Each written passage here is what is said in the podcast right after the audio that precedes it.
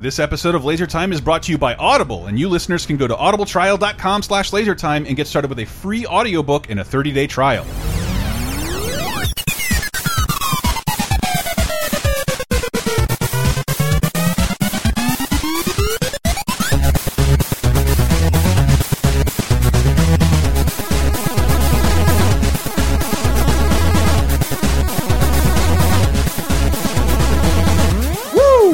And gentlemen, welcome to Laser Time, the internet's 700th leading pop culture show, continuing our backslide. Yeah. But, but but this is where we bring it back up. It's Spooktober. It's our annual time to do multiple uh, Halloweeny ass shows, and you are entering into the first of a two-parter, the best and worst of Stephen King. And I have done a little bit of research. I have tabulated the consensus of not only the internet but my two panelists to see what the world considers the best and worst of Stephen King's film adaptations. I am not a reader. I've read, I have, I, well, I read a lot of nonfiction and comic books, but I have read one Stephen King book in my entire life. And Yeah, where I I've um this oh this is Sam. Sorry. Hey, no, Uh, good, good for you. I've read Hey, several Stephen King books, but I'm not like an avid um, reader of his books. But I've seen pretty much all of his movies that you would consider to be worth a shit or Mm. worth a hoot, um, and then a smattering of ones that you wouldn't describe that way. and who else is with us? Hey, I'm Kevin. I run Cap City Video Lounge. Cap City Video Florida. Lounge doing a fucking drive-in at the end of the month. I'm Hell so yeah, excited! man! Our Halloween drive-in, I am so excited. all night horror thon. Yeah, 12 hour like uh, Oh, 5 p.m. to 5 a.m. 5 p.m. to 5 a.m. The weather is just getting like a perfect drive-in weather. Yes, and, and that's and that's what I'm so excited about. But Stephen King, like I like, it's weird. I think everybody is aware of this person Mm-hmm. because of how many mediums he has managed to conquer and be prolific in. My little intro reads as follows. Born Stephen Edwin King in Portland, Maine. He's one of America's most famous authors, having written around 70 novels, over 200 short stories of suspense, horror, and nonfiction. But for our purposes, um, he has over 300 IMDb credits as a writer, uh, as the credited writer of the basis of dozens of movies and television shows, some occasionally set in and around the fictional town of Derry, Maine, Castle Rock, Maine, Maine, Maine, Maine, Maine, Maine, Maine, Maine, Maine, Maine. These are all Maine. I was shocked how many movies I, in researching this I came across. Like I thought it was just the Pet Sematary. Sometimes that is better. And like no, that that kind of character pops up like thirteen times Oh yeah. nope, nope, nope. You went the wrong way. The murder happened over yonder, and like whatever, whatever accent that is. And I got two of my uh, best friends and horror experts, and uh, Kevin is a diehard horror fan. Oh, yeah. and I, I did want to discuss. Did, did, did do we remember our first brush with Stephen King? Oh man, I honestly, it might have been Creepshow for me. Yeah. To be totally honest, my mom actually rented that for me when I was a child. Yeah. I was like, "Oh, you're gonna love this." I was, you know, kindergarten, first grade, popped it in the VCR, and I made it up until the crate. and then I myself pressed the stop button. I was like, "This might be a little bit too much." I wanted, right and I just got a Facebook uh, notification from uh, our our fan listener Dave, who's like, I have been wondering what movie this was from for a long time because if you watched those anthology movies we talked about and didn't know that this is part of an anthology, it's easy to see how that could have happened on Totally. cable. You're a kid watching this thing, like, what the fuck was that? Where that that that thing ate that professor's wife or or Christian Slater battled a mummy? Like yeah those are all Stephen King things yeah, under, it's, under uh, different it's names. weird rehashing this topic Um, because I did see Creepshow as like a child, but the one I remember first was Cat's Eye, which we talked about in the last. that that is your first brush with Stephen King, not like as a author, but as a writer on this anthology. Film. Yeah. Well, I'm sorry, Cat's Eye or yeah, no, Cat's Eye. I was about to say Twilight Zone. Yeah, Cat's Like, Eye, you I been- bring that up. I, I'm guessing you could have seen Cat's Eye on HBO when you were like seven. Yeah, And, thereabouts. 'cause It was Co- 85, I think. and uh, I remember reading about him as a writer. I remember the world, a world where everyone made fun of Stephen King as a writer. He writes so much, he must be bad at it, and this all must be bad. And it seems like the tide has turned a little bit. Like people start to appreciate him. And I also looked at his; he has more acting credits than like uh, uh, Shawn Wayans or Chris Tucker. That's pretty impressive. Because I was I, I was looking at that recently, like that. Oh, yeah, uh, Shawn Wayans has appeared in like less than ten movies. Oh, wow. Because he's only in like one's his brother mm. and his brother's directed, right? Mm-hmm. He, he hasn't really been cast in anything. But Stephen Yeah. King has made a, bil a billion goddamn cameos. yeah, exactly. That's what I was gonna say. To their credit, like those are probably like feature roles where he shows up for like a minute as like the grave digger or something. You know? But still, I was I was just comparing. Oh, more movies than Justin Bieber, Stephen King. Good for him. Good for him. More, more acting credits because he's not what you would call an actor, but I, he's a guy I've been aware of since I've been a little kid, and all of his stuff seems kind of more popular than ever. And at least with the coming of it. Um, which we, we will definitely talk about. So, what we're going to do in this two-parter episode is talk about the best of Stephen King and the worst of Stephen King, according according to a consensus of us and the rest of box office, film critics, and the internet. Uh, what we think is the best and worst, and I do consider as experts on this. I, I, I know Sammy had an interesting. Your, your son was going through a horror kick, and Right. like he wants to read this book, and he's like, "Shit, I guess I have to read this book and figure out if I can, if if my son can actually read it." And did you Oh, actually? which, which which one was that? I believe specifically you said you had to do that with it. Well, no, I think actually that was a coincidence that I had read it like uh, a few years before that. I just never got around to reading it until like my early 30s. And I don't know if we want to get into it now, but there's a scene that's in it. to black that out for the kid. Not just yet. Not in any of the movies, but it's just like it's one of those things with Stephen King. I'm like, man, I don't know what the fuck you were thinking there. I was But we thinking, can talk about it. I was we get to the thinking, I like money and cocaine, and this book has to end. Uh, I, it- but it, I think, um, if I'm talking my first brush with Stephen King, there's there's a very famous movie I think I saw, but I had no knowledge Stephen King was involved. Uh, that was me. We'll talk about it in a second. But um, I remember when it came out, I was probably about eight, and I had never heard of King, and I'd never heard of it. And the schoolyard all day could not stop talking about a clown in the gutter sequence. and I, I, it took me like I think a quarter of a century to realize I never actually saw that. That first e- part of the It miniseries was described to me by so many children throughout that week that uh, I thought I had seen it. And when I finally did see it, it was like visiting a fucking ghost. Like, yeah, it's everything my head thought it was. My head canon was real. It's terrifying. They remade it again in 2017. It has the exact same shit. And uh, we're going to get into the best of Stephen King right after this tiny, tiny break.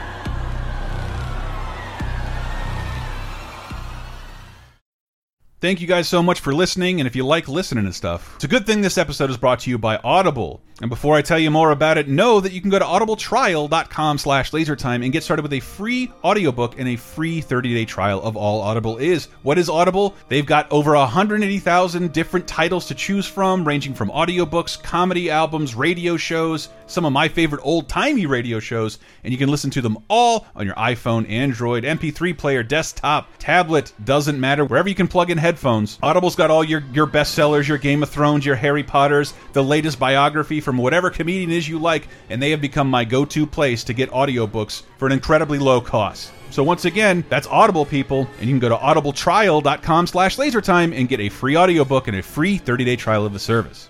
Do you like Video Game Apocalypse in 30 2010? Well, the LaserTime Patreon has figured out a way to combine the two over at patreon.com slash lasertime. We've taken a month's worth of 30 2010's games from 30, 20, and 10 years ago and grabbed the hosts Michael Raparez. And Matthew Allen. from Video Game Apocalypse. And with our combined three decades plus in the games industry, we found a great way to take a deep dive into the biggest gaming anniversaries of the month. Here's a recent sample. And what did we decide, Baker? Did Totally Totally Rad actually come out? Don't think so. But if it did, it was on my birthday. I turned 14 that day. and I guess that's where we're at. It was Magical John in Japan. sounds sounds like a toilet accessory. It was also they were also cartoon characters in Japan, and for America they were California surfer dudes Uh-huh. who looked real like in the cutscenes, and it's just like, yeah, that's everything that's wrong with America. Because instead of just accepting these amazingly designed characters, like, no, no, no, we want to be kids to be able to see themselves in them. Well, who are kids?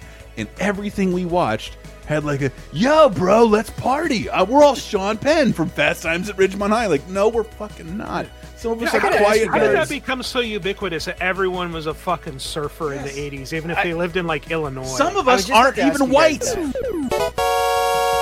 Guys So, in addition to weekly bonus shows, over 100 movie commentaries, exclusive specials, you can get the 30 2010 Video Games Edition, celebrating a month of important gaming milestones every single month at patreon.com slash lasertime in exchange for just five bucks. And you'll support all of the Lasertime shows, including Video Game Apocalypse, right, guys? Yeah.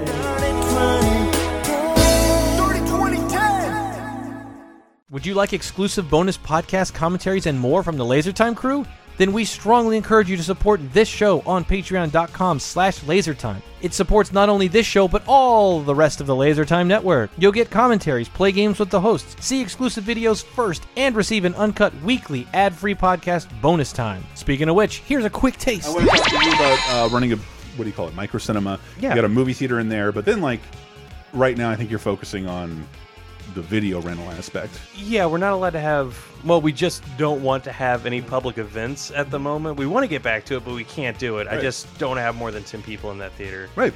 And you, you're, you're, you can rent it out. You can rent it. you can out. rent it out. You like Kevin's not saying anyone at all. Come on in. Like no, No, no, you need to take responsibility to say like these are the people you want to be around. Right. But yeah, we have it available for private screenings. You can watch whatever you want to. Mm-hmm. Eighty bucks for two hours.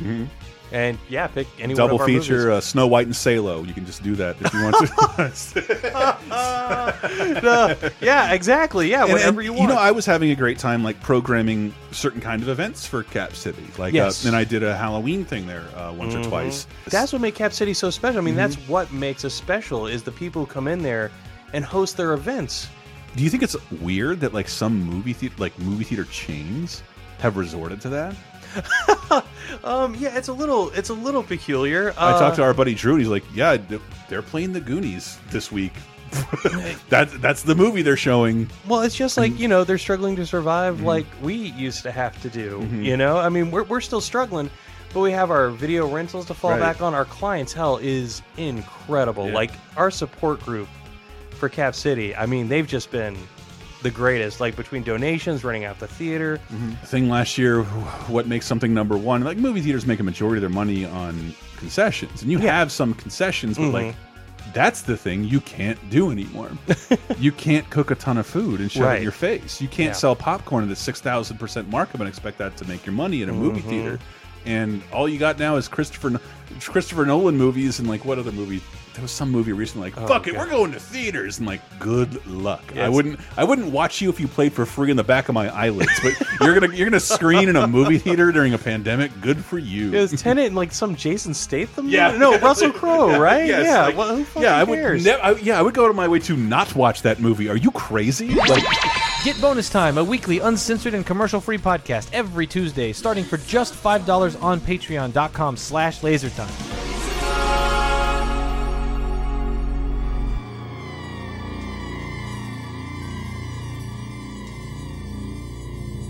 So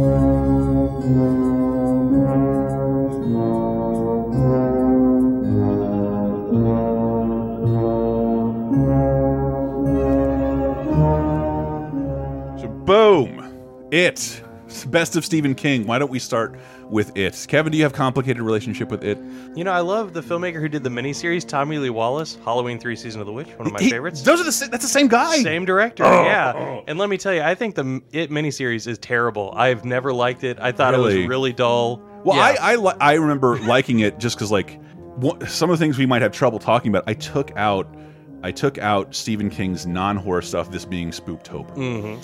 And uh, but if you talk about Stephen King's um, best reviewed movies, best reviewed movies, best performing movies, you can't do it without talking about Shawshank Redemption, Stand by Me, and Green Mile. Those are all in Oh, the right. top ten critically and by box office.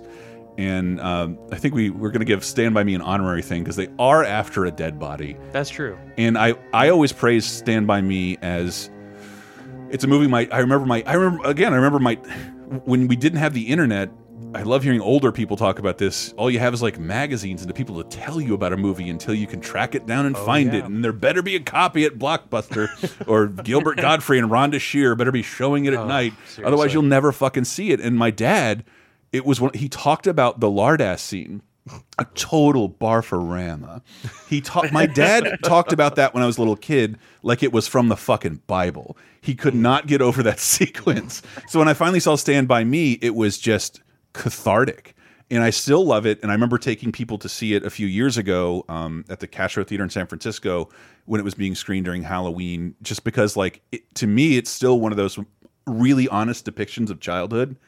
Like, it's it takes place in the 1950s, but like, whatever. Our our our childhood was the same way, pretty unobserved. Oh, totally. We Yeah. could go into the woods. We were mean. We were cruel to one another. We cursed when we shouldn't, and that's how the kids in Stand by Me talk. And like, when I, I was happy to see my friends come out of there, like, dude, that held up real well for an '80s movie. Oh, Like, absolutely. It's because it's uh, uh, not an '80s movie. It's a movie about the '50s, made in the 1980s, and not necessarily with an R, but like a with a mind towards no. This is these are how children talk when no adults are around.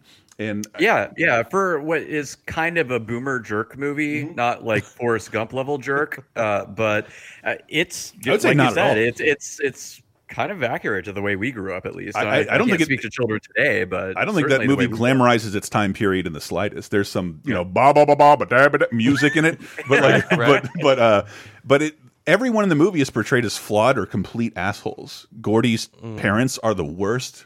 The wrong kid died vibe co- that comes off his dad. Uh, all of uh, the older kids, the teenagers, are the they're the villains. They're the worst.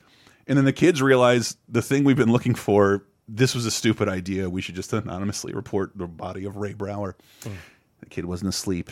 He was. he was on drugs. He's dead. No, I think I'm just speaking with some of just the cynicism I've developed with age or whatever. So I see like the main character is like the writer, the great storyteller, and I'm like, oh wow, how'd you predict M Night Shyamalan? You know, somebody's like heads up their ass a little bit. Oh, Gordie LaChance is so much more than it. Don't I know, compare I to mean, Lady in the Water. But, but I, it, it, I think it does deserve an honorable mention, if only Totally. because I, I wrote down. Um, I, I really love this, and I if you listen to our recent, um, we did a show about trying to guess the film production logo from your favorite TV shows. and if you've been sitting in your house during the pandemic and have endured television stro streamed on an endless loop, my girlfriend always puts on Seinfeld, and you just hear, uh, and then. I say, what's in the black box? And then you hear the, the, the logo. Castle Rock Studios. Oh, yeah. Uh, the production company owned by Rob Reiner that he he named after making Stand by Me, and Castle Rock Studios would eventually go on to make um, Holy Lord. they, they they they're named after Stephen King, a Stephen King town, and they would go on to make Misery, Needful Things, uh, Dreamcatcher.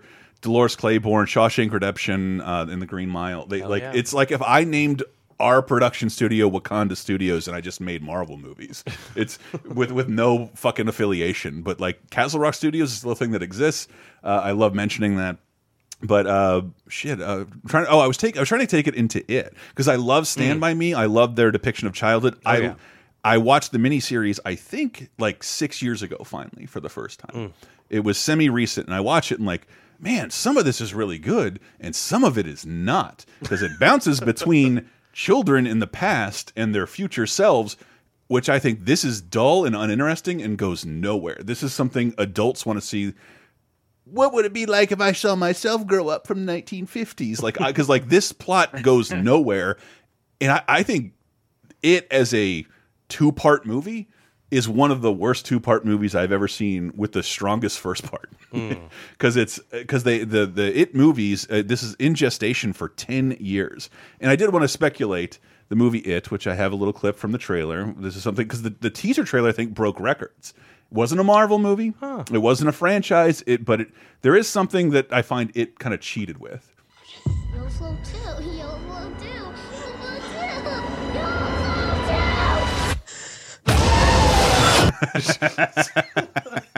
uh, and and I think I think the It movie got made and the trailer was so hyped because not unlike comic book movies, the It movie was taking advantage of our generation's nostalgia for the miniseries. There have been Stephen King movies before and since, and they do not get this kind of money or critical reception, Right. or get gone through with a fine tooth comb. And I think it never would have happened had the miniseries not existed. Probably not, but I'm at the same time I'm still thinking maybe they were just thought they were onto something with like a scary as fuck premise in a movie because that there's a huge time expanse between the miniseries and Oh, yeah. it chapter one. I mean, they could have done that ten years ago if they wanted. to, Yeah, but well, I think it was in production on the 10 year. It started production at Warner Brothers on the 10 year anniversary of the miniseries, and then took like another eight years to get off the ground. wow. And it's uh, like 09 is when they start trying to make it it movie, and it fi it finally starts moving in the final two years of production. But it's I'm glad they did because I fucking love the first It. it. It came out right at the time we were doing Elm Street Nightmare. I'm watching a bunch of Freddy movies, and they kind of have the budget for Pennywise to be a little more Krugery and weird, and I'm just going to murder you and show you a bunch of vignettes of like how, how you might die. And I, I love. I, I watched it with your son, who who had like read the book and is like watching every fucking YouTube about everything. I'm like, okay, having watched these two movies, I'm a little confused about what it is. And you're, I think your son just like rolled his eyes, like, oh, he's a paranormal, he's an interdimensional demon that feeds on fear. Jesus, why is this so hard? like, like, yeah, okay. he's about that age. That's awesome. okay. but yeah, like backtracking just a bit for a minute. Um, Mm-hmm. I did not see the uh, miniseries. I have kind of a similar story to yours, Mm-hmm. just not the false memory of having seen it, though I have plenty of those. But um, yeah, I just remember being in I don't know fourth grade or something like that, uh, and everybody talking about like, "Oh, did you see it last Yeah. night on ABC or whatever channel it came on?" And I'm like, "No," and they're like, "Oh, it's scary as shit." It's, And it's bizarre to think was about like it. raving about it. It's, but it's, I- it's in the know, same. at, at that point, I already missed it. You couldn't. It's not like you could go back and Yeah, I think they, they on released it on DVR or something. videotape and DVD because it was one of the first double videotapes Yep. I ever saw in stores, like the It miniseries. Yeah, and then I remember going into middle school, and I, there was there was a kid or two that was reading the book at the time, and I'm like, man, that's a big ass book. That looks like for serious fiction readers, which I am not, so I never got around to it. And so my first exposure to it was the TV movie that I did not watch until my late 20s, like on mm-hmm. streaming, I think. So like we're talking like 12 years ago, probably. And it was cool because because that memory of everyone else having seen it was like cemented in my mind so much rather than watching it for the most part as an adult i was kind of just able to watch it through like my like fourth grade mind That is which made me which made me appreciate it a lot I had that thought for several of these movies because it's not that- so much that I was seeing a movie I had no knowledge of or hadn't been like stuck in the zeitgeist for 20 years.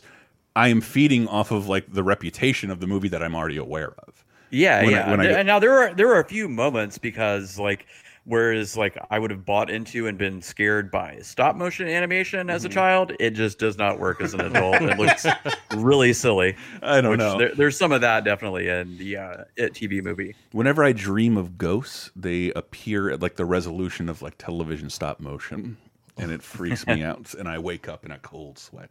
Uh, uh, speaking of childhood uh, spooks, we did a show last year on scary clowns. I mean, that to me is the most irritating thing about it, especially the new it. Every time you go into like a spirit Halloween store, I'm like, really? This is all clowns now? It's all clowns. All clowns. It's all. All we're dealing with is It's always the theme. in the field of clowns. But I do have to give a hats off to Pennywise the clown. I think it's a absolutely great character, and I think whatever Skarsgård played him in the new version, like with his fucking moist ass cleft palate, it freaks me the fuck out every single time. Meet Georgie. Georgie, meet Pennywise. now we aren't strangers, are we? Yeah, I think I think I saw the the trailer, which like shit, that was exactly how it was described to me as mm-hmm. a clown that lived in the gutter. And it just I don't know, it all it all freaked me out. It was like it's marketing you can't pay for, being whispered about to children because it is funny to bring up that the It miniseries ran on like the same network and time slot as like the Great Pumpkin. you, could, you could just kids were just able to watch it. Yeah, it was kind of impressive seeing the movie because I the order I did it in was like I saw the miniseries in my late 20s, Mm-hmm. read the book in my early 30s, and then watched the newer movies in order. So the book, I you know knew what would be faithful to the book and what would not. Um, and early on, you know, the storm gutter scene in the TV movie series, it's like, you want a balloon? You want one, don't you? And then at whatever point he like bursts forward with crazy ass teeth, and that's just kind of the end of this of that scene. And then it's just like clearly a crime has happened. In uh, Yes. chapter one, that kid's arm is coming clean off, and that is exactly what happened in the Fuck book. yeah. Yeah. yeah. As it should be. Yeah, and it was like it was because there was it, the whole opening has this real Spielbergian vibe that d does mm-hmm. something that Spielberg would never fucking do, mm-hmm. which is murder a child in front of you, Yeah. piece by no, piece. like that kid is, as I recall, is like writhing in the street and then gets yanked into a storm drain after his arm has been severed. So I- it is not for the faint of heart. I've watched this movie several times since. I very much enjoyed it, and then I saw the second one, and despite having a cast that I liked a lot, like it, adult problems are not that interesting, and I am never afraid for them the same way I'm afraid for the children of Derry. Uh, Derry, again, a town that will come up a lot in Stephen King. Yeah, novels. absolutely. Uh, yeah, and I, I will concur. The first one is like levels of superiority over the second one. It just if I think were it not for Bill Hader, I might have hated the second one. Just because I it's it's everything I hated about the fucking miniseries. Like I do not care about these rich people's problems. We got to go back to Derry and defeat our favorite ghost. like no, Yeah. when kids don't know what's happening and their fears are being exploited by an unseen thing, like that is genuinely scary. Like uh, adult psychiatric horseshit, not so much. Like I I mean, that's why we that's why almost all movies, horror movies, have a final girl or something like that. It's it's got to be someone you they are outmatched. So a team of adults, like really, you're adults. Like you should be able to outsmart a demon. Kids would have a harder time. So that that I don't know. Did you like the It movie? Uh, yeah, Mm. actually, I loved both chapters. To Mm-hmm. be perfectly honest, yeah, I, I thought um, chapter two kind of improved upon everything that was wrong with the novel and that was wrong with the miniseries. I was more pissed at like, and I've had this podcast that that, that, that I'm like 40 minutes of the new It goes back in time to the kids. Yeah, like, yeah. We already knew that. Uh-huh. We all already knew that. Why did you just waste my your money and my time with telling me that kids are scared of this demon? It's one of those things like as an adult, a nostalgic adult, I think back to my childhood constantly, Mm-hmm. and it's something I relate to. Like I understood these adult characters, and to me, like Yeah. it was something I related to. So I really enjoyed I'm chapter not- one and chapter No two. judges, because I, I I I would like to see more studios spend this much money on I don't know seasonal horror films. Seriously, the first time first time I read it, I was actually working at Movies Eight, and in Mm-hmm. between movies, I'd sit there and read it. So you both have read it. Yeah, yeah. Mm, okay. And going through it, I was like, man, if only someone would put up the money to do this, like Lord of the Rings, to do like a three parter and really do the story justice. Like Mm-hmm. now would be the time. And then you know, a couple years later, oh, they're gonna do that. Eventually, that happens. Hell yes, Yeah. yeah. And I just I And- loved every bit of it. And it, it it may be the longest work of fiction I've ever read. It's probably up there with like the third Game of Thrones book. It's like a thousand pages and Yeah. change, I think. Um, so and it's all very engaging. It's great all the Oh, way yeah. through. I love the book. Uh, so having known that, I was like, well, no wonder the TV movie didn't work. Clearly, you Mhm. can't shoehorn all this into a movie. So it'd have to be multiple movies or a really well financed miniseries. And so they went with the former, and I think it worked. Honestly, they hit most of the good content. There's like a few things they just sort of like gave little Easter eggs to, like the turtle, but I don't think ever really Right. developed into anything. But um, yeah, I, I, I think they did a great job with it. So I- I really appreciate it. I have not read the book, but like I think I don't know. It's I had read like I read Game of Thrones before Game of Thrones was a a, mo um, a show, and I remembered fans were pretty cool about not spoiling a ton of stuff that would blow television Right. viewers' minds. And I think it it readers were nice enough to not tell the world what was what was contained in the real ending of that book. And then I didn't learn about that until the trailer for the 2017 version came out. I had no idea how the book it ended and then at the same time someone's marketing the movie like we are making the most authentic comprehensive uh, version of it and i'm watching that first movie and there are inklings such as jesus trigger warning that this little girl has had sex is like you can see that in the movie and like how the f are they gonna do this they better not do yeah, this. yeah. Can I give the backstory on that part from my perspective? Uh, someone who read the book well into adulthood. Um, I'd always planned to read the book, didn't get around to it, and um, I was just about to uh, order it like uh, like an ebook for my Kindle, Mm-hmm. and I just happened to come across like one um, book review, and I I was like, oh, I don't like the sound of that at all. But uh, anyway, I read the book anyway. Mm-hmm. And so it's a long ass book. So I'm like 900 pages in, probably literally, and still have never encountered this thing that was described to me. And then, like right kind of towards the end, it happens. And what it is, because the the friend group, it's like all guys and one girl, and they all fuck. Not, but no, just fuck the the you know the lady. Um, Morale as like as like preteens or teenagers or whatever, and you're just kind of like, "Uh, why the fuck is this? It's here?" it's deeply Like, uncomfortable because I love the cast. The kid, Yeah. the kids who are cast in the movie, I do not want to picture. I hated like I was reading like a BuzzFeed like excerpt. I'm like, yeah, I'm never going to return to this paragraph. I'm sorry. I don't I don't know how graphic it gets or how long it's written about. It hmm. is one of the worst literary decisions. Yet, it's still a phenomenal book, but one of the worst literary decisions I've ever seen because their bond as friends is so strong at that point. Right. And I, and I understand. I guess what he was trying to do is say like, no, it's this fucking strong. I'm like, that doesn't do anything but make me uncomfortable as fuck, and fuck you for making me even like visualize what Yeah. you're describing. At least they didn't go on too long about it, but it was like a couple of pages. Is it not really? like not like porny details, but just saying like, oh, and then you know, um, Bill or whoever I remember. was with you know, it was- I The was kid like, from oh Stranger Things unzipped his overalls. I remember Ben had No, the bigger no. penis than anybody else. That was the one that made her moan. Oh, Yeah. Is that real? Yeah. Holy lord! Holy Maybe it was a little more detailed than I remember, and I blocked some of this out. That was like God. nine nine years ago, or Oh. but And, and it's it's one of those things King has apologized for. He's uh, Yeah, that was yeah, a he dumb way did. to end He the did. book. Yeah, absolutely. And then, like, if it would make sense, I would just take that out. But for some reason, in books, that's impossible. Movies and episodes of television, we do it all the time. And I think he shouldn't be allowed to to amend his book. Yeah, but, it's- Sure. but at least the movies, which by default are going to be the definitive versions of it for a while, do not contain those Mm-hmm. those facts. yeah, Uh, But I, I remember being so uncomfortable in the movie because it does establish he's been sexually active through horrible means. Oh, yeah. and uh, and like, oh God, are they really going to do this? And thank God they didn't. It, Yeah. ladies and gentlemen, let's. You want to move on to a different one because Sure. this is actually the first movie I watched, knowing that oh, I'm watching a movie based on uh, an adaptation of one of the most famous authors in existence Mm-hmm. books, and that was Misery. How could you? Misery Chastain cannot be dead. Misery Spirit is still alive. I don't want her spirit! I want her! And you murdered her! You don't think he's dead, do you? Don't even think about anybody coming for you, because I never called them. Nobody knows you're here. And you better hope nothing happens to me. Because if I die, you die. I I tape this off like a free preview of Showtime and watch this almost every day.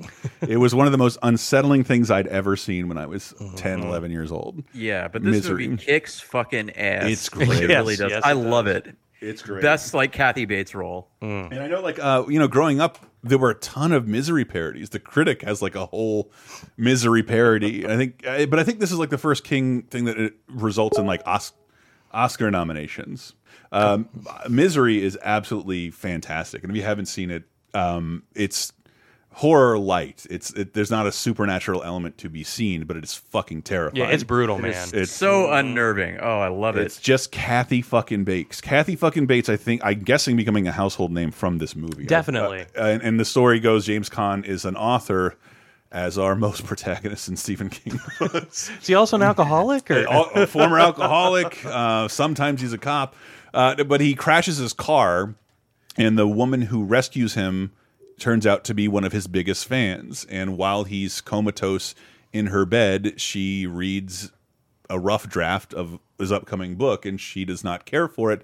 So uh, kind of allows the rest of the world to think that this author has died. People stop searching for him and holds him captive uh, in in one of her rooms. And he, man, he tries to run away, and the hobbling sequence she does to him is like that's the one thing. Like, man, I wish an adult didn't let me watch that scene. yeah, exactly. And for context, like right after the car accident, like at least one of his legs are broken, so he can't like just walk out Get of up the and house. go. Right. He's like laid up. And yeah. she's hollowed out all the phones, so he can't call anybody. But he, when he tries to get up, she puts a fucking like four by four piece of wood in between his ankles, and then bashes his feet inwards with a sledgehammer oh. to foot bind or like hobble him for the rest of his days. By the time you see him out of the cabin, he's using a cane for the rest of his life. And it's about this ment unbelievably mentally disturbed woman, a little lady, being this the tormentor of this big big bad James Caan. It's fucking great. Yeah. But um I don't know how much you want to get into. It's just Yeah. like the scene like that freaked me out the most is like there's a point where he's like laid up in bed and you know she's medicating him every day, I think like with sedatives and shit like that. And so he starts like faking taking his pills and like stashing them and I think manages to get out to the kitchen to stash a knife and stuff. Mhm. And then at one point, he's like uh, sneaking out of the room while she's away, bumps into this like table of like figurines. And it's like, oh shit, almost knocks them over. Right. Straightens them all back out. Uh, he goes to bed that night, wakes up in the middle of the night, and there she is standing over him with a syringe and like just jabs him with it and knocks him out for the night. And this is pr- this precedes the uh, hobbling scene, and she's like, "Oh, my little bluebird figurine always faces due east." Mhm. So now I've known, you know, because he didn't arrange them perfectly when he bumped into the figurines. Now she, she's like, now I know you're out of your room. Oh, I found your knife too. Uh, and it's just, and then she hobbles his ass. And sorry, I, uh, it's just that was so unnerving. I was like, Yeah. They do a great job of raising your hopes and then dashing them completely several times over in Yeah. misery. It's like, yes, he's about to. Oh, oh my God. Okay. It might be my favorite title for a movie ever. It's a great title. Misery. Misery. yeah, Because I remember, yeah, I remember like my mom describing that movie to me and just looking at the poster art for it, where you see that little tiny cabin in the middle of the woods surrounded Yes. by snow, and it's like, oh, oh God, I can't wait to watch this when I'm allowed to. Yeah. Oh yeah, No, it's definitely rated unnerving, but R. I, I love this movie. It's a great Halloween movie. Yeah, and uh, it's- if it's- you- it's- you can handle that sort of thing. Then it's it's, one of the best. Rob Reiner, meathead from All in the Family, becoming Mowgli. He'd made like I think his first is his first movie Spinal Tap. Was that his very? I think first? it's I think it, might have is. been. It- yeah. like like moving into the world as a director and like Rob Reiner would spend a lot of time in Stephen King's world Mhm. helping make and direct and produce a lot of these movies and I don't think it went any better than Misery because this was like critically lauded I think it gets some Oscar nominations Kathy Bates becomes a household name not the same can't be said for James Caan but there's only so much magic one can work he got to do The Godfather. It's fine. there you go. Yeah. Much earlier yes. Uh, but but like, like do not sleep on fucking misery. Misery is absolutely fantastic. And now and now i want to move i want to move on to man, I, I, if you haven't not a patron patreon.com slash laser time. It's how the show's supported. We have an exclusive series there called sick of star wars. And we're just entering into the fourth fifth and sixth movie and by which i mean the first second and third movie. And i hate george lucas for making me always have to clarify that. But uh, uh, i wasn't really around for real Star Wars phenomenon, but I love hearing from people who are just a few years older than me. The Shining, I felt like was pushed on me as a horror classic by people just a little older than me. I think the movie came out the year I was born, uh, so I, I didn't see it for another 1980? 15 years. But The Shining is uh, referenced in almost everything I like. Uh, you've heard catchphrases yelled at you a billion times. um, I was just watching Treehouse of Horror, and they they don't have. They, I, they, they they're too uncomfortable to make Homer say certain things. He can say "Here's Johnny," but my favorite sequence is him just le lecherously pushing Shelley Duvall up a flight of stairs. Mm. I'm very confused. I just need a chance to think things over.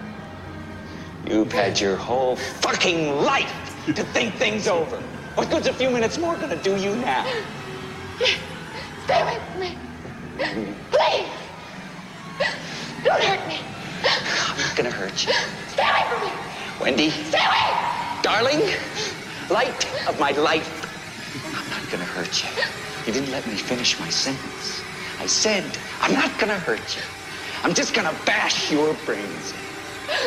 I'm gonna bash them right the fuck in.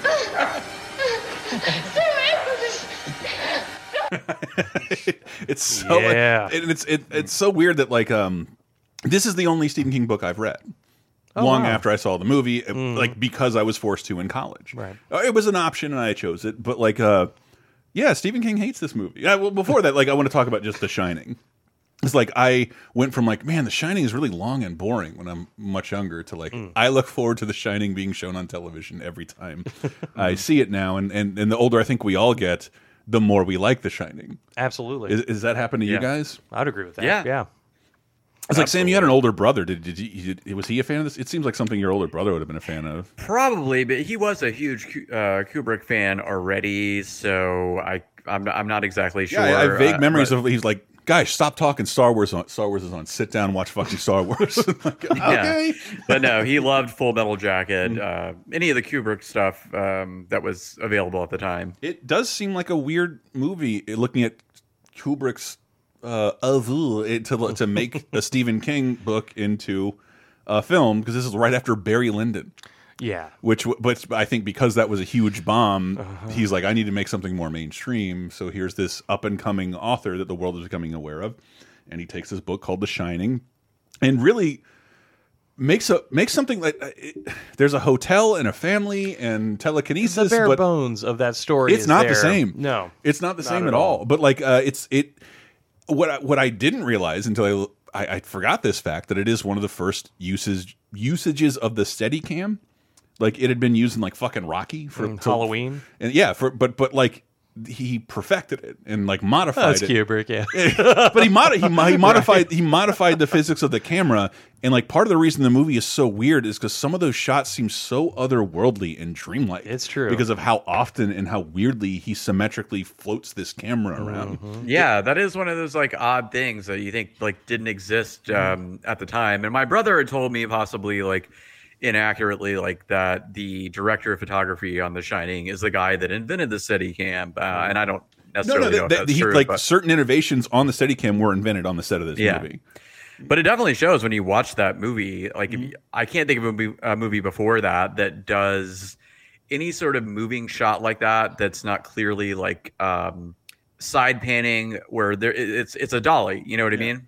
It's it's Whereas hard. Like when I I got to Yeah. hold one one time, Uh-huh. like you need to be physically fit No to doubt. use one of these things. I think to this day, it's, yeah, because it's a whole suit, right? it's Or a whole like an upper body. it's a whole suit? apparatus Whole that's vest, that, that yeah. has counterweights on it, so it's heavy as. F I remember we put it on our like when we were fucking around the film school. We put like Mm-hmm. yeah, I'm ready to use the Steadicam, and this dude was like skinny, and he was a puddle of sweat, and like I need to. I can do one more take of this. I cannot hold this anymore. And if you know how Stanley Kubrick does things, this was a thousand takes and kind of he's kind of merciless on his actors.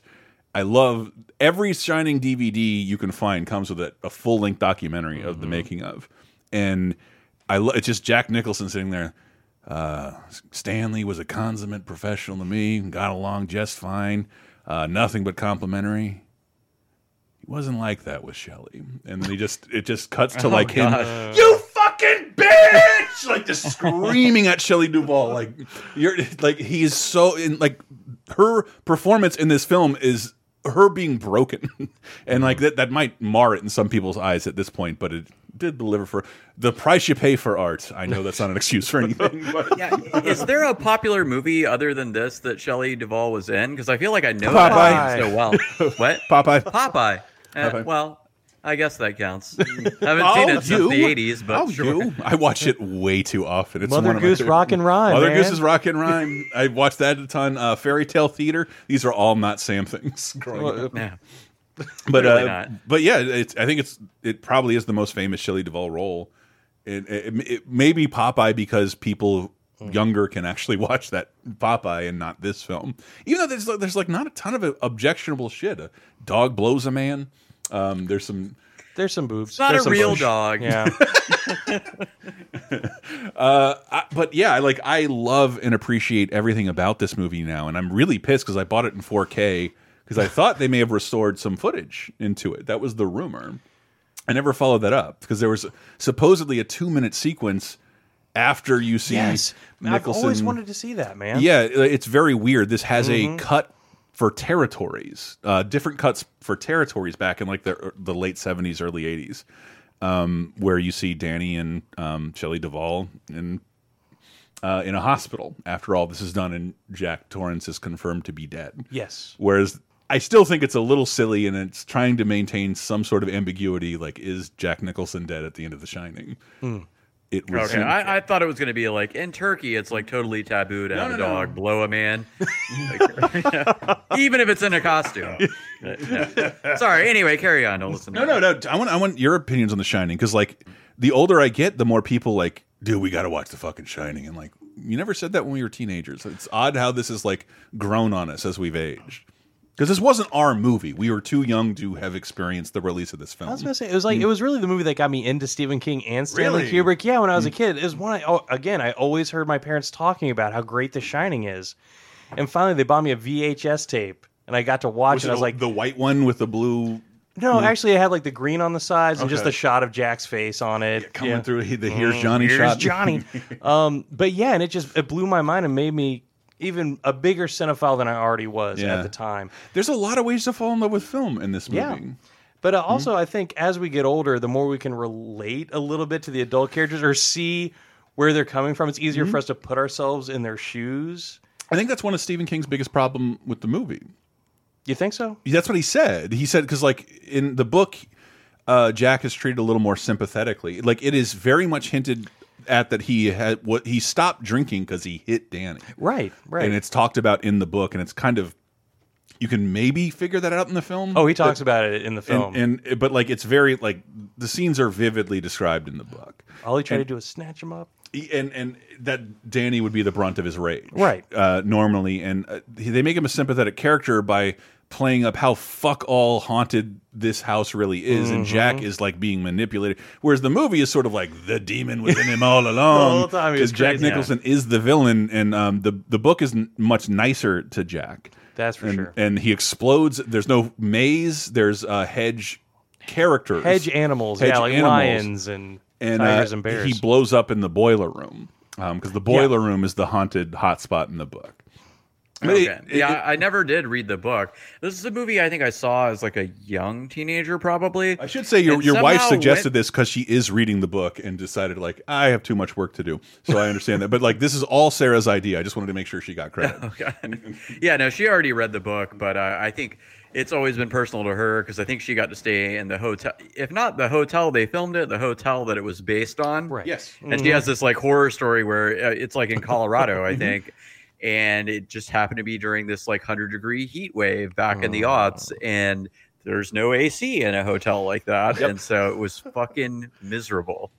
Um, but I was saying, I uh, saw this movie, I think, first as like a young teenager. And I was always like, yeah, this is scary as shit. I'm into it. Um, the like winter isolation thing just really plays up the anxiety. But then, like, it wasn't until like I think like well into my 20s that I just somehow did not know this was like based off a Stephen King book. And I don't know, maybe it makes me shallow, but I just appreciated it significantly more knowing that. I, I well, I think Stephen King has gone. I think he was a lot young. Everyone kind of knows Stephen King doesn't like Stanley Kubrick's adaptation of his work, but when Stephen King said all this stuff, he is I, less than ten years into his writing career. It's his third, like his third book to get option. Like this wasn't what I wrote. Uh, I never, s- I never meant it to look like. I think he was just he's been very kind to every adaptation except this one. I think it was just you caught him at a young, cocky, cocaine-addled age. Yeah, I was gonna say there's like Coke Stephen King from like the 70s and Mm. 80s.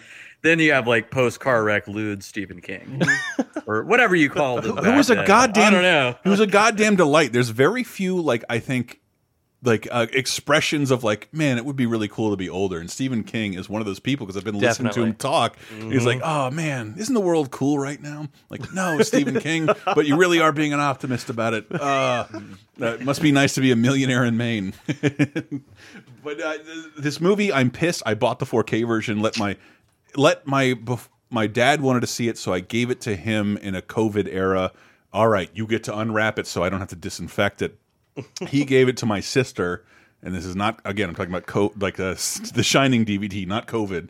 And I, I don't know, I don't know where the movie is right now. Uh, but I bought it months ago because like uh, one of the a very tight runner up was Doctor Sleep. Like Doctor Sleep, man. if you haven't seen it, it has. Look, we're going to talk about the Stephen King's 1997 adaptation, the worst of. But but the the the Doctor Sleep, the movie, not the book, the official sequel to The Shining, has to bridge all of that. Oh yeah. It has to bridge Kubrick. Mhm. It has to bridge Shelley Duvall, and uh, it has to and it has to bridge Stephen King's adaptation for. And, and like, I can't believe it does it. And most people don't even know it exists. Doctor Sleep, the Ewan McGregor starring film, is the sequel to The Shining, and it is the opposite of bad. It is quite good. Yeah, it's excellent, And Hmm. that's- I mean, I'm glad to hear that, but also I'm hearing that I'm kind of pissed that I missed the chance to see it in the theater. I, I- saw the trailer. too. I saw the trailer and I was unimpressed. And my son Me kept too. asking about it, and there was just stuff going on then, like movie wise. And I'm like, yeah, yeah, we'll get around to it. But then I would tell my wife, I'm like, I really don't want to see that fucking movie. I- I- like, just- we- our and buddy- then so we didn't see it, and now I feel like I deprived everybody. Our buddy Melendez, who like I think he forced The Shining on me when I was like seventeen. Like, watch it again, man. It's this is a really good movie. Mm-hmm. And you know, Melendez isn't like a huge like film buff. He just loves The fucking Shining. And he, and he uh and he showed it to me and he's like, you have to see Doctor Sleep. I'm like, I want to see the 4K version first. Like, please let me do this. Uh, he's like, no, Doctor Sleep. I've seen it five times. It's one of my favorite movies in a really long time. It's a great Right follow up to The Shining, and like part of it is really weird, and at the end. I, I did. I did want to say that because I feel okay spoiling a big moment of Ready Player One. Have you seen Ready Player One? No. I love the emphaticness of Kevin. No, I know. Well, I've seen it, so he can stick his fingers. I in know, I, but there's like they're inside of a video game and there's a puzzle. A big part of the puzzle is they spend about like nine minutes in the Overlook in The Shining, Mm-hmm. and I, I didn't play you the trailer because the trailer is slow motion of an elevator showing up and blood spilling out, and there is not a human being to be seen for two minutes. That's the trailer for The Shining. It's one of the best trailers of all time, yeah. and uh, and that's in the Ready Player One moment. They end up in in a digital recreation of the like Stanley Kubrick's Overlook. It's an amazing see like to me like I hated the movie less while watching it like this is really cool. It's like, wow, that's a great movie they're referencing. no, no, no, it wasn't that but they they rebuild everything. Right. Like it looks exactly the same. And that does happen eventually in Doctor Sleep too. Mhm. But technically Ready Player 1 did it first. Fair enough. Ready Player 1 did it first. But Doctor Sleep good like you Oh, I think it's incredible. It was one of my favorite movies that year, honestly. Yeah, I thought it- it, was excellent. It's hell because Stephen King wrote the book. yeah, and Um, I, I felt like the movie actually improved on the book, which is a real rarity. Yeah. Like they actually took risks with characters, like people you like die in the Mhm. movie, where they like everybody makes out in the book. Spoiler alert, but everyone lives. Mm-hmm. And, and like it centers around Ewan McGregor is Danny. Yes. And dude, his mom is on screen for a second. It's like this 18 year old actress who is doing this, oh gosh, like this perfect Shelley Duvall Mhm. impression, even though Stephen King hated the casting. Hated, Right. hated the casting. He Of liter- Doctor Sleep or The Shining. The Shining. Yeah. He, he literally Oh, okay. recommended like he's not everyman enough. I want Jon Voight or Christopher Reeve in there. I'm like, that would have been weird. Um, but uh, If it had been like a straight ahead adaptation of the book, like Jon Yeah. Voight, I could totally see him Yeah, as yeah, yeah. Jack. But yeah, it's yeah, Christopher Reeve would have been a lot weirder because uh, Yeah. just because like that dude's too handsome. He Mhm. can do better than Duvall. No, but but Doctor Sleep got uh, got pre like it's- I again I, I if you you didn't the audience didn't see the chart I made for you guys. Doctor Sleep is squarely in like in the top middle. It just missed the top 15. It Mm. didn't review terribly. And horror horror movies always review terribly. Stephen King movies usually review terribly. Yeah. Yep. So Doctor Sleep is it got respectable numbers and like I don't think they played up that it was a sequel to The Shining enough. I don't think people knew that. Uh, like I felt from the trailer, they relied pretty heavily on imagery from The Shining. Yeah, yeah, that but, it was, but but we're in a, in a world where like it's kind No of difficult to see is. a trailer. Yeah, like unless you saw it in the movie theater, you make a good point. you saw something called Doctor Sleep, and it's it's fascinating. It's it's Danny Torrance using his shining to like uh, help people in hospice die respectively. Yes. it's a great premise. Mhm. And uh, I, I, I just I, I wanted to mention Doctor Sleep especially because like I feel like the world doesn't even know it exists. And what's really cool, the director behind that is Mm-hmm. making a prequel about Mr. O'Halloran. really? The cook, yeah, which I wanted to bring it up when we were talking about it. I'm sorry to completely backtrack. No, go for it. But that's one of my favorite segments in the novel is when they go back to when Mr. O'Halloran was He's was the- he's the stationed in there. snowmobile guy, right? Yeah, he's the he's the cook. Yeah, yeah. Did you, did you know driving a snowcat just like driving a car? That's what I hear. It's- it's- I learned that from Yeah, The not Shining. Snowmobile, snowcat. Sorry. Uh, no, no, yeah. But yeah, like the backstory of how he and when he was in the military, he was stationed in Derry, Mhm. and they made their own little jazz club because they weren't allowed in the white people's club.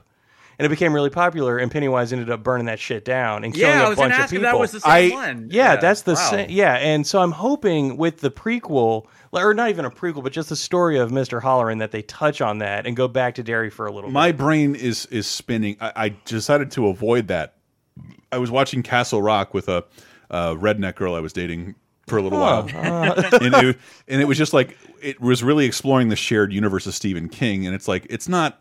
It's not the same as Marvel, but like a lot of these people have, are from the same families and from the same towns. yeah. It's very confusing, and Derry comes up a lot after he wrote it, but not before. Is it worth watching that show? I've heard about it, but I've never. I, it, it never came together into something super. It's J.J. Yeah. Abrams mystery box horseshit, Oh, and like um, he is the producer yeah, on I, it. I watched the first. I don't know how far it's gone. I watched the first season. It was decent enough, but I never felt compelled to like follow up on it. Let me it. put it this way: it's canceled. Oh, okay. There you go. It's canceled. But it was Problem supposed to like unify all these Stephen King characters and yeah. moments, and, and in ways that he only hinted at in the books. That's one thing I always loved about his novels is yeah the connection and how everything's interconnected. Yeah, it's why you'll love Little Adam egg. Sandler's Hubie Halloween. Oh, really? Yeah, yeah. It Hmm. really connects the Sandler verse. like, like he's never really gone out of his way to do that. But I, but I wanted to, to shout out The Shining just because, like, um, man, I, I even, I, sorry, I meant to do more research on that. I, I love. It is such a beautiful, beautiful Oh, film. And uh, if you have a TV that's that's 50 inches or larger, the the 4K restoration looks from what I've heard, amazing because my dad made it impossible. My girlfriend got it for me for my birthday months ago, like seven months ago, and I have not seen it yet because it's floating out there What being fuck? borrowed in a COVID world. Stupid physical media. I fucking hate it.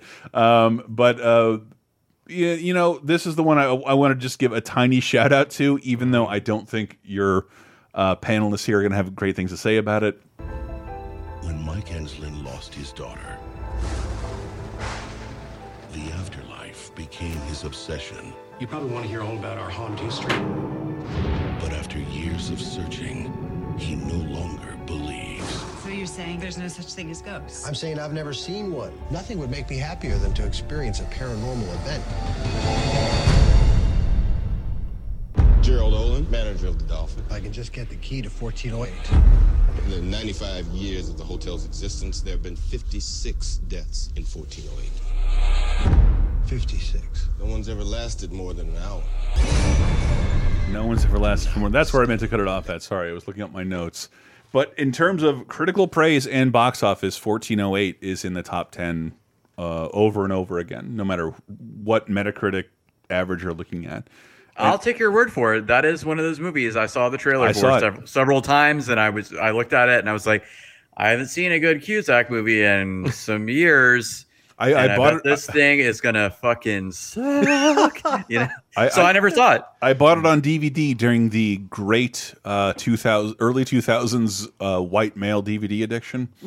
I remember those days. I was there. yeah. I was there. Look at Like, my I- video store. I gotta go to Circuit City every Tuesday, man. Let me see Wait, what, up. what year was this movie? Uh, shit, like um, 2000.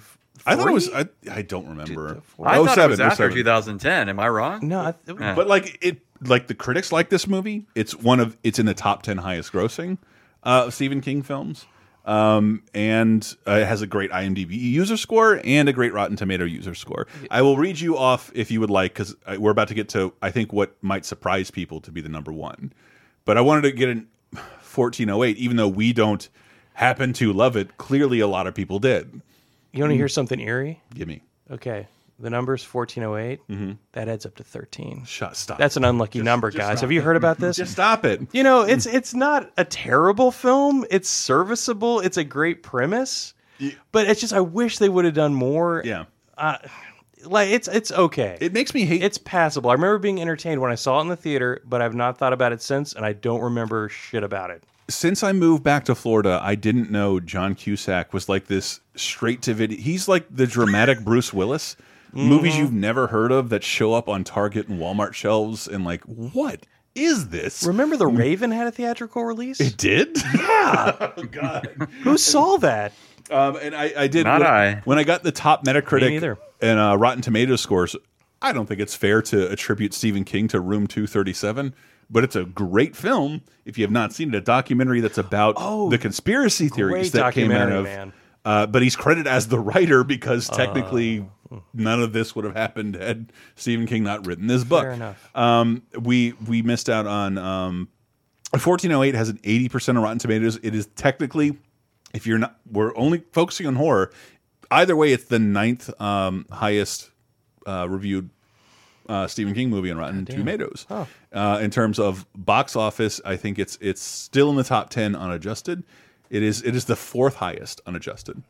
I mean, it is the highest. It made almost a billion dollars. That's insane. It made a billion dollars of 2017 money, but like The Shining made like 300 million of 1980 money. Yeah, oh, which and they is probably spent like three hundred million dollars making the It franchise and its No, latest incarnation the first too. the first It No? is 30 mil. The budget was 30 million dollars. That's like a recent Oh, movie. man.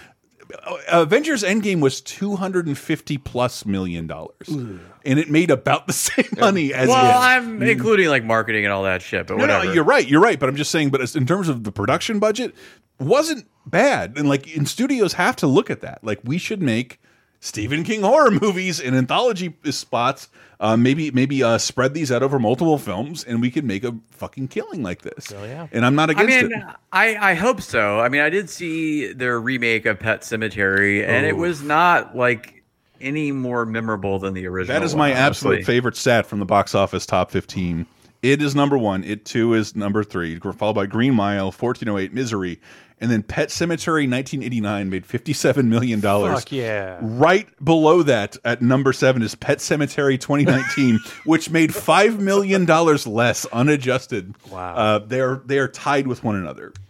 And the same thing happened to the next movie we're going to talk about, the actual Stephen King breakthrough, which uh, has the highest critical praise, the highest box office praise. Uh, that movie is Carrie. It's the night of the senior prom. The Bates High School gym is alive with excitement. Everybody is there, even Carrie White. The girl no one likes. Oh, sorry about this incident, Cassie. It's Carrie! and everyone makes fun of her. The girl who lives in that creepy house with her crazy mother. This is the first Stephen King book ever published. Ever. It is the first Stephen King book adapted. And Brian De Palma is doing it. Mm-hmm. It was like a huge, uh, huge small director at the at that point. Like, uh, he's made like what are his biggest films at this point? Cat like Blowout and Yeah, probably. Yeah, I would say blowout like sisters, maybe. Yeah, it, and it's it. This movie catapults everyone. Yep. To a different level. If you have you not seen if you haven't seen Carrie in a while, I didn't see it at all until I was 26 years old, and it's phenomenal. It is so Yeah, Oh, it's been like a decade since I've seen it. Hey, I meant to ask: Is this the movie where there's like a line where like they're all gonna laugh at you? Yes! Oh, Or something? yeah. yes, it is. Which I for years heard that like uh, from Adam like Sandler? Adam Sandler CD, I think. It's and the I had title no idea of what the- the fuck they were talking That's about. the title of the CD you're hearing it on. It's called "They're All Gonna Laugh at You." Really? No! okay. Sorry. They're all I mean, that was the '90s, like early '90s, mid No, it was uh, me who brought that to your house and made you listen. I remember. I was there. Uh, I was right. the I was the big Adam Sandler dork. I was the one who was grounded for sneaking out to see Billy Madison. Oh, I Mm. loved those CDs back in the in that Mhm. era. Uh, not a lot of his movies, but um, the CDs. Yeah. Yeah, my solo album is also a Carrie reference. It's um, I can see your dirty pillows. oh, those aren't pillows. like They're pressed, Mama, and everybody has them. Uh, Carrie is wonderful, and like I, I never saw like Coal Miner's Daughter or anything like that. So Sissy Spacek, I, I I saw this in 06, and it's great in terms of a Mhm. revenge film. A woman who is like kicked in the proverbial dick the entire film Start by everyone on screen, getting revenge via telekinetic murder. Fuck yeah. Is wondrous. It really is, man. it's really good if you have not seen Carrie. It's it's really great. And again, it, it is the highest on Rotten Tomatoes and Metacritic. It is the highest rated Stephen King movie that there is. Box office wise, pretty. It's it's within the top fifteen. It also has a uh, '90s remake slash new version, the made-for-TV one. Well, no, Carrie Two, Carrie. Oh God, the sequel. The Raged. It has The a very odd Rage title. Carrie Two. The Rage Carrie Two. It's like it's a reboot, and they establish how it's tied in with regular. Because Carrie. Amy Irving shows back up as Mhm. a school counselor. But it's the same fucking story. yes. And then there's a genuine remake in 2013 with Chloe Grace Moretz. But Mhm. like, uh, Carrie is this weirdly enduring franchise, and I, I really think it might be because of, because of women. Because like, uh, I think women have been an unsung uh, horror. Like most of my friends now, like who love horror. When I go to like Cap City, like there's a lot of women there who are like obsessed with horror. Absolutely. And I think uh, it. I never saw Carrie. No one pushed it in my face because it's a movie about a woman. But like, if you're a woman horror fan, like Carrie is ex. It's Tarantino esque. Mm-hmm. the re the revenge murder that occurs to their tormentors. uh, it has to be amazing. Um, if you, you have to do the pig's blood sequence, they throw tampons at this poor girl. They rig a prom ceremony to get her voted as prom queen, and then dump pig's blood fr in front of her on her Right. head in front of the whole school you should know that just from like reading the zeitgeist but like this movie but this movie is still great her mother sucks Yeah, yeah. Um But Piper Laurie does a great job. I mean, she sucks, but she's a fucking great villain. Great villain. both of them are nominated for oscars And she's a Trump supporter. I'm sorry. Go ahead. no, no, her character in the movie. okay uh they're, they're both not i'm sure sissy spacek is but they're Mm. they're both nominated for oscars because of these roles and like Well that does- deserved, yeah. that does not happen in stephen king adapted movies uh carrie was a genuine phenomenon it just happened four years four or five years before i was born uh longer for kevin longer for most of our listeners um so if you haven't seen carrie it is unbelievably worth your time uh really really really good and there's a reason why it's been rebooted twice and sequelized twice. Like uh, it's fucking fun. And uh and and and genuine horror too. Like there, there's Oh, no there's doubt. no way to mistake this genre. It's Stephen King's first try uh, at sorry, it's not his first try. It's his first published novel. Right. He had a ton of manuscripts in the works, but uh, it, but but also done by like a very skilled director. He got really lucky in that aspect. Mhm. That his first couple movies are just like uh, Stanley Kubrick and Brian De Palma. most of the time, it's most of the time Uwe Boll would snatch something like this up. Uh, but but uh, yeah, Carrie is excellent, and Carrie is literally number one everywhere for. Yeah, it's a universal story, man. Mm-hmm. It's anybody who's lived through middle school, high school, anybody who's lived. You've been through this before. You've been bullied. You've been hurt by others. Mm-hmm. And God, they do such a great job of building that empathy. You feel so much for Carrie. Yeah. And when things start going well for her, you almost forget gosh. how bad it's going to go. Mhm. You're like, oh, things are going great. Please don't let this ending happen. And then it happens and it just crushes your soul every single time you watch it. Uh, yeah, with with yeah, justified mass murder. Oh, yeah, I- I'd say so. Almost always by fire. Uh, Carrie is excellent. That is as far as a consensus as I can find of the best of Stephen King. And the next episode you listen to, we will explore the worst of Stephen King, which to me was profoundly more interesting. yes. Oh, yes. And I, I love these movies, but like watching the worst was so much fucking. Oh, I should say, Cat's Eye and Creepshow are in Yeah. here in terms of box office gross and critical praise. But we talked about them in the previous Laser Time, all about anthology horror. I thought I would build the show. Oh, there's this weird genre that's so diverse. Nope, it's all Stephen King. He did all yeah, of it. Like, yeah. uh, Those- my those bad. movies Didn't got know. their, got their justice in the previous Yes, episode. uh, but Creepshow and Cat's Eye are some of Stephen King's highest grossing and highest uh, and w most well received films. Uh, they just are. And Tales from the Dark Side. I, I didn't know that because because critics are not great to horror, and I think That's I'm true. glad Kevin and Sam are here with me because a lot of these films like this is the worst. Like I'm sorry, I thinner on your criticism. thinner. I don't believe you. You don't like Mm-hmm. movies. Like fuck you. Some of these are really fun to watch, and that will, will be what we're talking about next episode. Uh, Kev, where can people find you? Em? Uh, you can find me on Cap City Video Lounge. It's, a on, great follow, man. Yeah, follow us on Facebook. Um, also, TrashCinemaCollective.com is my blog. I update it at least once every six months, so check that out. Mm-hmm. And you can hear Sammy's wife on 30 2010. How about that? Pa- Hey. Patreon.com slash lasertime is how we're supported. It's how we compensate one another and keep our equipment up to date. We do appreciate any anything you can give, uh, very very much, especially in this incredibly weird time. Um, so when most people, by the way, are not listening to podcasts, but we wanted to give you some Halloweeny goodness. And we will be back next week with the worst of Stephen King. So maybe tell a friend about the show uh, and become a patron at patreon.com slash lasertime. Uh, we will see you next week with, uh, holy good lord, some of the worst protagonists I've ever seen in my entire life. Uh, Can't okay. wait. we'll see you then.